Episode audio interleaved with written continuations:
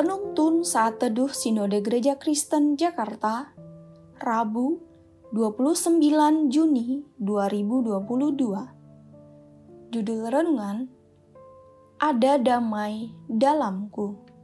Nats Alkitab terambil di dalam kitab Yohanes pasal 14 ayat 17. Yaitu roh kebenaran. Dunia tidak dapat menerima dia sebab dunia tidak melihat dia dan tidak mengenal dia. Tetapi kamu mengenal dia, sebab ia menyertai kamu dan akan diam di dalam kamu. Jutaan orang di dunia selalu mengharapkan akan adanya damai sejahtera. Berharap bahwa hidup tanpa masalah, keluarga harmonis, pekerjaan lancar, kesehatan prima, memiliki pelayanan yang baik, dan lain-lain. Itulah kedamaian yang diharapkan mereka. Namun, benarkah kedamaian berarti hidup tanpa adanya masalah? Sebelum Yesus meninggalkan murid-muridnya, dia berjanji akan memberikan damai sejahtera.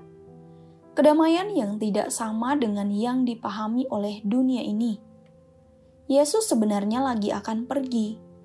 Dia akan mati di kayu salib, dikuburkan, bangkit, dan kemudian naik ke surga.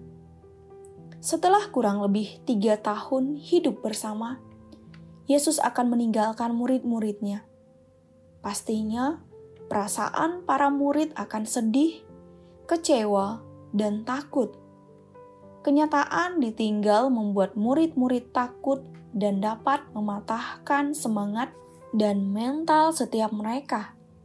Akan tetapi, sepeninggalan Yesus, para muridnya akan menerima penyertaan yang tak pernah terputus-putus.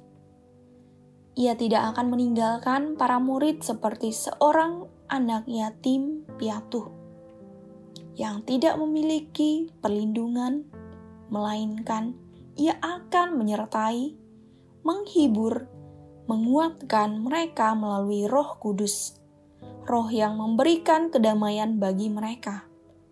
Damai sejahtera ini yang dimaksud bukan merupakan sebuah jaminan bahwa murid-murid tidak akan mengalami badai kehidupan. Akan tetapi, suatu janji bahwa ada kuasa dan damai sejahtera untuk melalui setiap badai yang ada kita sebagai murid-murid Kristus masa kini, kita memang tidak pernah melihat Yesus secara fisik, namun kehadiran Roh Kudus membawa suatu damai sejahtera yang melingkupi kita.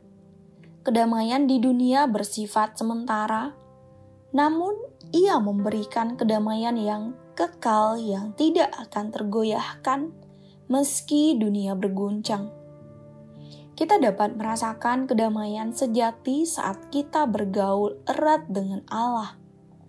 Dia yang senantiasa dapat diandalkan, Dia yang tidak pernah meninggalkan kita sendirian, Dia yang akan menjaga kita ketika kita takut. Maka dari itu, mari kita tetap hidup sebagai murid Kristus sejati, walau hidup tidak berjalan selalu lancar tetapi ada kedamaian dalam hidup kita karena kita selalu berjalan bersama Allah. Dunia tidak dapat memberikan kedamaian sejati, namun hanya di dalam Allah kita mendapat kedamaian sejati. Amin. Terima kasih, Tuhan Yesus memberkati.